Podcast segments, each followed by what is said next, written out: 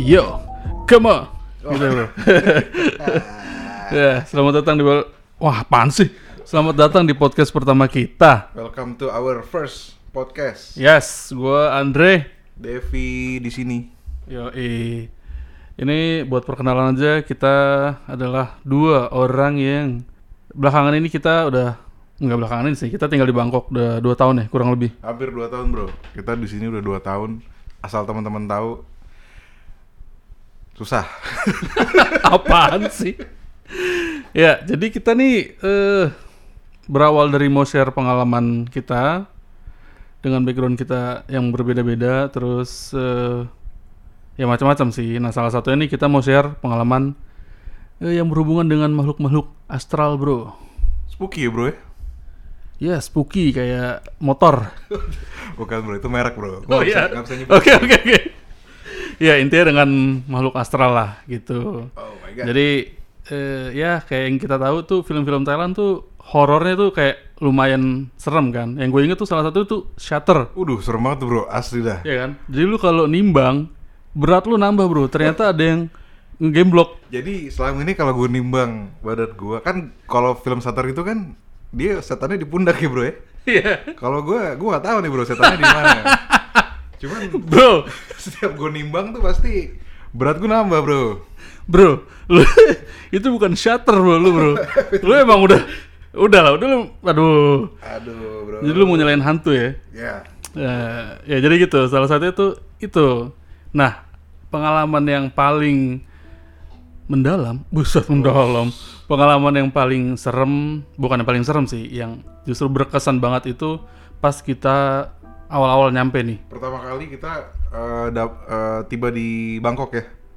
Pertama kali, tapi itu yang ngalamin duluan si Devi nih. Jadi awal-awal itu waktu kita sampai Bangkok, kita dapat akomodasi dari kantor untuk tinggal selama sebulan gitu. Hotel sih. Gue dapatnya hotel, tapi Devi waktu itu kayak lebih ke ho enggak, lebih ke guest house. Kayak guest house hostel gitu sih. Iya, Kayak bintang 3. bintang bintang tiga ya. Ya kurang lebih gitulah. Nah dia dapat roommate namanya Aldo, gitu. Jadi dia berdua tuh datang ke situ. Tapi yang gue inget waktu itu adalah kita nyampe sini malam-malam tuh. Hmm. Malam-malam gue inget. Ya. Jadi gua duluan di drop ke hotel gua, lalu mobil yang nganter kita ini lanjut nganter Devi sama Aldo dan teman-teman lain. Gitu. Nih selanjutnya lu aja deh, lu cerita bro. Iya, waktu itu eh, udah malam banget ya, Bro ya. Jadi emang kita berdua ada di mobil kantor untuk nganter ke hotel yang terakhir. Gitu. Jadi hotel terakhir tuh maksudnya eh, hotel yang gue sama Aldo nanti bakal tempatin. Gitu. Oke. Nah, perjalanan tuh udah agak serem tuh bro, karena kita lewatin kuburan segala macem. Hah? Oh iya. Iya, lewatin kuburan segala macem. Itu karena lu nganter yang lain dulu apa? Iya, karena jadi sebelum ke hotel gue yang ini, itu kita nganterin ke nganterin beberapa eh, Tepan. teman ya, beberapa teman ke hotel sebelum kita. Oke. Cuma ngelewatin kuburan segala macem. Oke. Itu gue ada udah feeling nggak enak juga Mhm. sama si Aldo. Terus nyampe lah nih tiba-tiba di hotel kita kan. Akhirnya. Oke. Nah, terus udah malam banget, akhirnya kita langsung ke lobby segala macem ngomong. Kita langsung ke atas, langsung ke kamar. Ya. Kita mau naruh barang segala macam di kamar. Tiba-tiba ada yang nelpon dari lobby, Bro. Resepsinya kan. Iya, jadi dari resepsionis tuh nelpon ke kamar bilang kalau mis- ada satu tas ketinggalan di bawah di lobby. Oke. Nah, gua sama dia sama si Aldo ini nggak tahu tas siapa yang ketinggalan karena terakhir cuma gue berdua doang. Nah, kita akhirnya mutusin buat salah satu dari kita buat ngambil tas di bawah. Akhirnya lo yang turun kan? Akhirnya gue yang turun karena gue tanya sama si Aldo, tuh tas lo bukan? Dia bilang bukan. Akhirnya gue turun ke bawah, gue ke resepsionis ternyata ada satu tas gitu gede berat yang gue ingat. eh gue terima kasih sama resepsionisnya udah ngingetin kita ya udah akhirnya gue ke atas lagi bawa tasnya. Nah pas sampai atas, gue mau masuk kamar nih. Nah, bentar. Yang gue inget adalah waktu itu dari akses em, maksud gue dari lift untuk naik ke atas nggak butuh akses kan Gak butuh. dan yang gue inget waktu itu adalah kita itu enggak di lu sih di lu itu walaupun lu satu kamar dua orang tetap aksesnya cuma satu kan yang dikasih Iya, jadi eh, setiap kamar itu pokoknya satu akses doang, walaupun kita berdua. Heeh, dan waktu itu lu nggak bawa kan Dan gue gak bawa. oke Jadi aksesnya ada di Aldo yang di dalam kamar. Oke. Gitu. Singkat cerita terus gua ke atas bawa tasnya. Gue yakin kalau Aldo di dalam kamar dong. Karena pas gue turun ke bawah tadi dia ada di dalam gitu. Dan gue nggak bisa masuk karena aksesnya ada di dalam juga. Akhirnya gue ketok lah. Gue ketok kamarnya. Bro ada nih tasnya. Gue ngomong sendiri gitu depan kamar. Cuman pas gue ngomong kayak gitu tiba-tiba di kamar mandi ada ada kayak suara ini bro. Kayak ada aktivitas lah pokoknya mandi kah flush flushing kah Iya kayak orang lagi mandi, kayak orang lagi abis boker gitu loh. Jadi kayak dia lagi cebok segala macem. ah oke Nah, gue nggak tahu nih kenapa gue tinggal sebentar aja, gue langsung ditinggal mandi sama dia bro. eh iya iya oke Oke, Eh, karena waktu itu kayaknya kita lagi capek banget nih. Kayak gue, aduh, gue pengen tidur cuman dia mandi gitu kan. Jadi gue di luar kayak nungguin dia mandi gitu. oke Pokoknya di kamar mandi tuh rame banget, aktivitas suaranya tuh rame banget lah pokoknya. Kedengaran jelas dari luar pokoknya. Karena gue capek nunggu, jadi gue duduk di depan kamar gue bro. lu duduk Duduk di depan kamar gue, di bawah, di bawah kamar. pintu sebelah pintu ya Di sebelah pintu. Jadi senderan ke tembok gitu, cuman depannya ke pintu kamar gue. Masih mandi aja tuh anak tuh di dalam. Gue dengar. oke Oke, udah lama tuh kayak bareng ya bareng 5 5 6 menitan lah. Terus pas gue kecapean gitu tiba-tiba pintu lift sebelah kanan kebuka, Bro.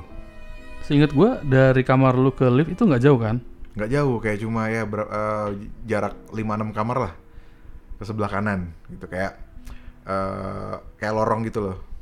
Nah itu yang tiba-tiba gue kaget karena sebelah kanan gue pintu lift kebuka gitu. Ternyata eh, ada orang keluar bro. Ya wajar sih. Maksud gua lift bisa siapa aja yang naik kan? Bisa siapa aja yang naik. Cuman ini kayak gue nggak tahu siapa yang keluar. Gue kira tamu yang lain kan? Tiba-tiba pas gue nengok kanan yang keluar itu siapa bro menurut lo jangan bilang Aldo. Aldo bro keluar dari kanan. Gue langsung kedep jantung gue gue nggak tahu mau ngomong apa karena setahu gue dari tadi gue dengar orang lagi mandi di dalam kamar gue Iya, dan setahu gue juga ya, kalau misal lu depan kamar hotel, lu tuh lu bisa bilang ini suara kamar mandi itu dari kamar yang mana, iya kan? iya benar. Jadi Dan lu yakin banget kan itu dari kamar lu? yakin banget orang gue tempelin kuping gue ke tembok bro. Oke, gue sampai tempelin kuping gue ke kamar gue karena di dalam tuh kayak ada yang mandi terus kayak ada yang cuci tangan sama lagi cebok. Pokoknya pokoknya rame banget lah di kamar mandi. Iya, iya. aktivitasnya rame banget. Gue kira si Aldo nih. Terus ya udah kan dia kan ketemu sama gue tuh di depan depan kamar. Hmm. gue tanya do lo ngapain ke bawah bro sorry itu tas gue ternyata di ternyata itu tasnya si Aldo yang dibawa ketinggalan tadi. Oke. gue gue sambil deg-degan sambil bingung gue bilang sama si Aldo bro ada yang mau gue omongin nih cuman ntar deh kita masuk dulu ya. Gue bilang kayak gitu sama dia. Padahal di awal pas resepsionis nelpon, lu udah make sure ke dia kan kalau itu bukan tas dia. gue udah make sure mungkin dia rada lupa juga kali atau rada udah capek gue nggak tahu. Mungkin barangnya ketinggalan dia sampai nggak ngeh kan? Oke ya. kita iya. tuh emang malam itu udah capek banget lah pokoknya. Pas masuk ke dalam kamar gue cerita dong. Bro tadi pas lo ke bawah gue kirain lo di dalam kamar. Terus dia nanya sama gue emang kenapa bro? Gini bro tadi pas lo ke bawah gue ngedenger ada orang lagi mandi di kamar mandi. Jelas banget suaranya. Terus dia kaget dong. Ya kan dia kaget. Terus tiba-tiba sebelum gue selesai ngomong dia udah stop stop gue jadi kayak gue cerita ke dia terus dia kayak stopin gue ngomong gitu kayak bro ntar dulu lo jangan ngomong kata dia nih ke gue bro di belakang lu tadi ada yang lewat bayangan kayak anak kecil gitu lari cepet Belakang kamar mandi. belakang kamar mandi Yang di mana lu dengar suara-suara tadi itu dari kamar mandi kan? di mana gue gue dengar suara tadi itu dari kamar mandi Oke, pas lu cerita belum selesai ngomong, di stop sama dia terus dia bilang kayak gitu. iya Dan anak kecil itu keluar dari kamar mandi. dan anak dan dan kayak dia dia ngeliat jadi jadi gini bro posisinya gue kamar mandi di belakang gue Aldo kita kayak dapet jadi eh, lokasinya tuh kayak kita masuk kamar sebelah kanan kamar mandi terus ada twin bed sama pojoknya ada sofa gitu.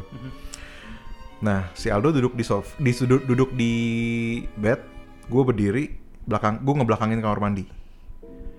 Jadi dia ngeliat ke arah kamar mandi gue cerita ke dia gitu.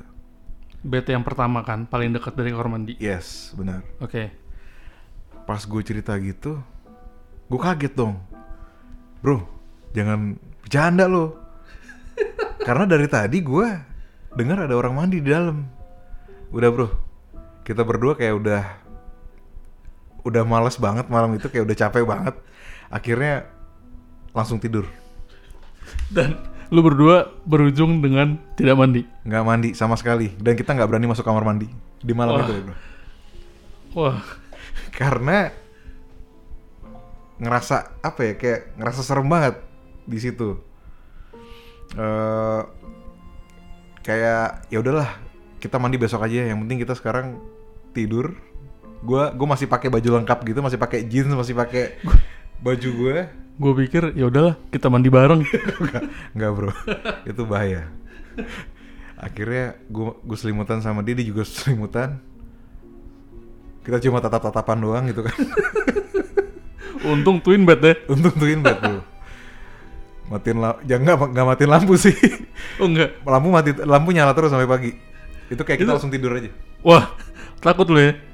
Asli bro, bukan takut lagi bro. Itu udah kayak lu kayak satu kamar sama begituan gitu gua. Ya, ini ini sebenarnya di kamar dia ini tuh di hotel dia ini ada beberapa cerita, termasuk cerita dia barusan nih, cerita Devi. Ya. Nah, jadi eh, roommate dia adalah Aldo kan, roommate gue Andre. Nah, teman kita ada lagi nih, namanya Niki, gitu kan. Kita kenal dia, lucunya kita kenal dia itu adalah saat kita ngobrolin kejadian ini di kantor. Jadi setelah kejadian tadi tuh keesokan harinya pas banget setelah kejadian itu besoknya nih Devi sama Aldo langsung nyampein ke gua cerita tentang yang mereka alamin tadi malam di pantry. Lagi cerita gitu ada satu orang nimbrung nanya, eh emang lu berdua tinggal di mana? Gitu dia nanya ke Devi sama Aldo kan. Terus mereka jawab lah, kita tinggal di hotel ini gitu. Langsung tuh si Niki bilang, gue juga tinggal di situ. Wah itu emang parah sih, kata dia. Dan dia langsung cerita apa yang dia alamin di situ. Gue inget banget, gue inget banget. Jadi dia jadi dia langsung kayak eh, mikir sama juga bro ya. Ada sesuatu yang mau diceritain di situ ya. Iya, dia langsung kayak bi- kayak ternyata bukan gue doang yang digangguin, gitu. Cuma waktu itu mereka beda lantai. Si Devi Aldo ini lu lantai berapa tiga ya? Lantai seingat gue lantai tiga deh. lantai tiga nah si Niki itu kalau nggak lima enam gue juga lupa lupa inget udah gitu dia langsung cerita jadi hotel ini tuh begitu lo keluar dari lobby lo mau keluar gerbang itu sebelah kiri nah di sebelah kiri juga situ ada tempat sebat biasanya tuh anak-anak suka sebat di situ itu nah si Niki ini sebat di situ waktu itu kan.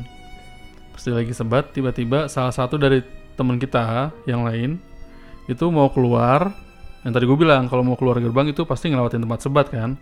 Mau keluar dan dia nyampein ke Niki. Dia bilang gini Nik Nik itu kayaknya roommate lu mau masuk kamar tuh nggak bisa. Coba lu samperin deh ke atas. Yang tadi gue bilang mereka itu walaupun dua orang per kamar cuma dapat satu akses nah yang megang waktu itu Niki gitu pas Niki lagi sebat oh iya yaudah deh bentar gue ke atas gue cek gitu kan jadi ya udah kata orang tadi kata teman kita tadi ngomong ke Niki di atas itu ada yang ada roommate-nya Niki lagi gedor-gedor gitulah dia ngeliat Makanya disampaikan ke Niki kan. Oke, Niki ke atas. Begitu keluar dari lift, itu kan biasanya kalau hotel itu sepanjang lorong itu kelihatan gitu kan. Nah itu nggak ada orang tuh bro. Jadi eh, Niki ke atas karena dia pengen ngebukain kunci kamarnya ya. Yes, karena cuma dia doang yang megang. Ya, Karena dia karena mungkin menurut dia itu rumahnya dia yang ngetok kamarnya. Iya, karena si yang ngasih tahu itu dia mention nama bro, roommate-nya dia. Oke. Mention nama. Eh itu roommate lu tuh lagi mau masuk kamar kayaknya nggak bisa. Lu bukain aja dulu. Ya udah, Niki ke atas. Ternyata nggak ada orang. Nah, Niki kan anaknya cuek kan. Ya. Dia cuek banget. Dia kayaknya waktu itu belum mikir ada apa-apa. Balik lagi lah dia sebat. Gitu kan. Pas dia sebat, nggak berapa lama, roommate-nya tadi datang dari arah luar, luar hotel mau masuk. Oke. Mau Ini masuk. agak ngebingungin juga ya karena dia tadi pas ke atas nggak ada orang, Hmm. ternyata pas di bawah roommate-nya baru datang. Baru datang. Terus sama Niki dibilang lah, lah lu tadi katanya di atas gedor-gedor kamar. Ini nih akses- aksesnya gitu kurang lebih. Oke. Ini masuklah. Terus dia bilang gini, temennya si roommate-nya jawab gini, lah apaan? Gue baru balik baru balik dari kantor ini. Oh shit. Berarti si roommate, berarti si orang yang di atas itu yang ngetok siapa dong bro? nggak tahu. Jadi setahu gua, jadi waktu itu memang benar si roommate-nya Niki ini baru pulang. Nah, setahu gua memang ya kalau dari beberapa cerita pengalaman teman-teman gua yang lain ada yang suka ngelihat kembarannya siapa gitu. Gangguinnya gitu, Bro. Menyerupai teman kita lah atau siapa. Jadi kayak emang classic ghost story gitu bro, kayak yang kita lihat di film apa TV ya? Yes, betul. Dan gua per- gua pun pernah ngalamin, tapi ini nanti aja. Oke, Bukan di Bangkok juga, di tempat lain. oke, oke, Ini berhubung lagi ceritain di Bangkok, kita ceritain yang di Bangkok nih. oke. Jadi gitu tuh tadi ceritanya sih Niki. Nah, seingat gua waktu awal-awal mereka tinggal di hotel ini, si Devi dan Aldo tuh bilang, "Oh di sebelah kita tuh eh, di sebelah kita tuh ada rumah juga, bukan rumah juga sih kayak eh, apartemen tapi modelnya udah tua, cuma masih ada yang tinggal di situ ditinggalin." Iya kayak dia semacam kayak gedung kosong gitu, cuman kayak apa sih kayak bangunan tua yang nggak kurus, cuman masih ada yang tinggal di situ. Iya. Tapi kalau dilihat ya lumayan spooky sih. Gitu. Nah, itu udah pengalaman mereka kan. Gua pun pernah, Bro, pas lagi main ke tempat lu. Oke, ini cerita yang mana lagi nih bro? Nah, jadi setelah kayak udah sebulan lebih, gua waktu itu harus nyari eh kita waktu itu harus nyari apartemen sendiri-sendiri kan. Udah nggak dikasih sama kantor lagi kan. Nah, waktu itu gua dapet apartemen yang deket dengan hotelnya mereka yang spooky ini. Gitu. Jadi waktu itu gua beberapa hari lalu sebelum gue datang itu gue udah survei dan gue datang untuk DP. Setelah gue DP, gue pikir ah ini deket nih tinggal jalan kaki ke tempatnya si Devi. Gue jalan lah. Gue jalan kaki nyampe, tapi saat itu gue belum ngasih tahu ke Devi kalau misalnya eh gue mau ke tempat lu ya. Enggak. Ya, gua gua inget tuh tiba-tiba lo udah di depan kamar gua sih inget. Yes. Nah, ya kan. Waktu itu gue dateng eh, karena yang tadi gue bilang akses ke mereka gampang, di lift juga nggak pakai akses, jadi gue langsung bisa naik ke kamar lo. Udah tuh, gue gedor-gedor lah kayak biasa, cuek aja gue ketok pintunya, nggak ada yang bukain. Tapi di dalam ada yang beraktivitas bro di kamar mandi. Sama kayak yang pertama kali gua rasain sebelumnya. Berarti Sama bro, sama. Dan itu gue udah gue udah ngiyakinin banget ini suara toilet, eh suara dari toilet seberang kah, kamar sebelah kah, atau kamar lu. Dan itu emang dari kamar lu bro. kayaknya tuh setan tiap hari mandi bro. Tapi kan waktu itu gua nggak berpikir kalau itu bukan lu pada. Jadi waktu itu oh ya udah mungkin ah, si Aldo di dalam atau lu yang di dalam kan, gitu kan? Atau lu di dalam tapi si Aldo lagi main drone, Ya. ya kan? Dulu dia suka main drone kan di rooftop. Dia kayak punya drone gitu tiap Iya. berapa tiap minggu tuh kita kayak main ke atas gitu loh. Ya, nah gue pikir salah satu dari mereka lagi nggak di atas, makanya pas satu di kamar mandi, satu nggak bisa ada nggak ada yang bisa bukain kan? Ya. ya gue tunggu aja lah di situ nggak berapa lama sama kayak Devi tadi liftnya tuh kebuka. Liftnya kebuka itu jadi pas gue udah nunggu gue berpikir untuk ah udahlah gue ke bawah aja. Nunggu di bawah tempat biasa kita duduk-duduk kan. Hmm. nunggu di bawah pas gue mau turun itu liftnya kebuka. Dua bocah ini keluar dari lift. Hmm.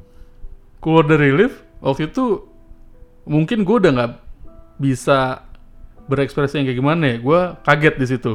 Karena begitu mereka keluar dalam hati gue anjing ini dia berdua ada di sini terus itu yang di kamar mandi mereka siapa gitu kan? Nah saat itu Devi nanya ke gue Gue gue inget banget waktu itu muka lu tuh kayak udah bingung banget ya bro ya. Di depan kamar gue lo berdiri ngadep ke pintu kamar terus bingung nggak tahu.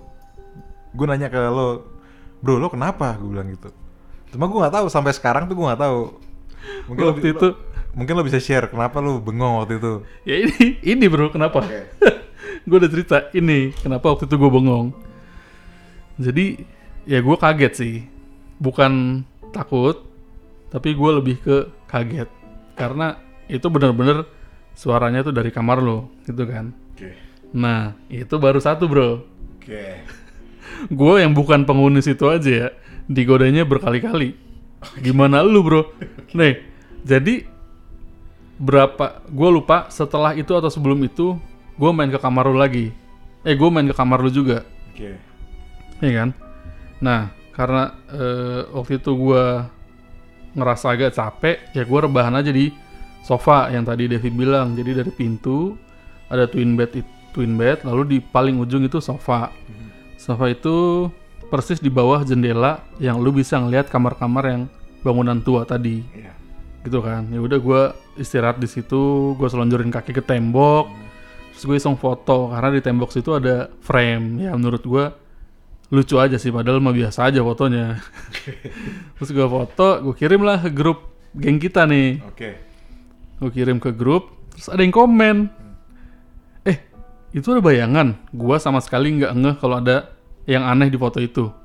Oke, jadi kayak visualnya tuh lo lagi duduk di sofa kamar gua, gue tiduran lo tiduran di sofa kamar gua, terus lo kayak moto moto kaki lo sama tembok sama lukisan gitu kan? yes Harusnya yang ada di foto kan cuma kaki lo sama eh, lukisan itu. Iya Terus tiba-tiba ada bayangan lain nih bro. nah itu ada yang bilang ada ada yang bilang ada bayangan gue cek lah ke foto gue Masih masih ada nggak tuh fotonya bro? ada ada Masih ada. itu gue upload di IG Oke. Jadi, Jadi- buat buat yang mau tahu langsung ke IG lo aja ya.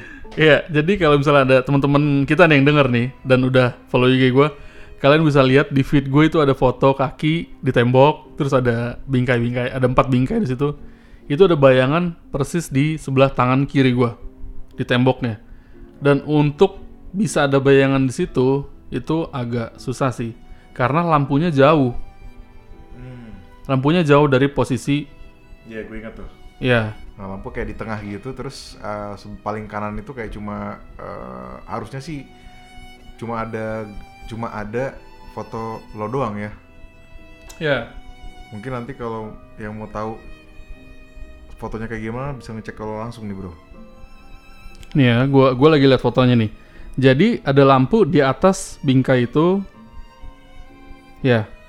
Ada lampu di atas Ya. bingkai itu. Jadi kalau misalnya ada bayangan di bawah, harusnya sesuatu yang nutupin cahaya itu ada di atas lampu itu dong, di Ya. sekitar lampu itu. Nah, Satu lagi lampu di tengah dekat kasur mereka. ya. Itu gue inget. Jadi kenapa ada bayangan di situ? Gua heran sih itu. Masih nggak bisa masuk akal ya bro ya. Iya, masih gue masih bertanya-tanya itu kenapa bisa ada bayangan di situ. Gila gini bener beneran kayak eh pengalaman yang experience yang menurut gue cukup menyeramkan ya. buat buat Devi mungkin iya karena Devi bilang sama gue ini itu pertama kalinya dia digangguin seumur hidup maksud gue dalam hidup dia itu pertama kalinya dia digangguin Iya, yang kayak gue sebulan penuh di situ tuh kayak nggak nggak setiap hari sih, cuman kayak hampir beberapa waktu gue di digangguin di situ. tapi bener kan bro dalam hidup lu pertama kali lu digangguin itu kan Pertama kali yang kayak diteror itu di situ. Pertama Nah. kali. itu dan eh, di kamar itu juga masih banyak ceritanya dari si Devi Yes. dari wah itu gua gua dengernya juga lebih gue kaget banget denger ya gitu Iya. gue kalau jadi dia mungkin gue minta pindah dari kamar itu sih gimana bro lu mau share sekarang atau lanjut di part 2 nanti bro Kayaknya waktunya belum nggak cukup nih bro. Gimana kalau kita langsung lanjut ke part 2 aja nanti? jadi nanti kita lanjutin di part 2 eh di Yoi. part 2 lagi di part 2 ya Biar pada penasaran bro. Oke, kalau gitu. Jadi nanti untuk selanjutnya Devi bakal share lagi eh, kejadian di kamar itu dan mungkin bakal ada Niki juga. Yes. Yes, Niki yang tadi kita ceritain yang ngelihat kembaran eh apa yang kata temennya roommate-nya tuh gedor-gedor kamar. Nanti dia Bakal kita datang datangin juga juga. Yes. Ya udah. Kalau gitu segitu aja. Thank you buat stay tune di podcast kita. Ya, terima kasih udah mau dengerin. Nanti kita lanjut ke podcast selanjutnya. Alright, Oke. bye bye. Bye. Ciao.